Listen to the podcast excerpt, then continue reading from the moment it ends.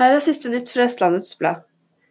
Nå har Bane NOR spikret sommerplanene, og tradisjonen tro blir stengingen på Østfoldbanen omfattende.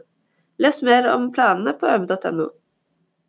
Det har vært en rolig natt i Follo etter gårsdagens nasjonaldagsfeiring, men i går var det liv og røre over hele distriktet, og videoer og bildeserier fra 17. mai-feiringen finner du på øb.no. Eirik Dreie Gulbrandsen er den nye Rema-sjefen på Kolbotn fra 1.6, og da skal han ansette flere og øke omsetningen. Verken bomringen eller antallet konkurrenter på et lite areal skremmer 36-åringen. To personer ble sendt til legevakt for sjekk etter at bilen deres rullet rundt og havnet på taket langs fylkesvei 120 i Enebakk fredag kveld. Og nå har Ås sentrum fått sin nye møteplass.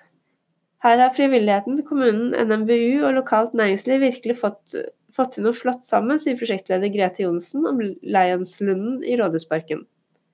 Ha en fin dag. Øyenytt fikk du av Birgitte Henriksen.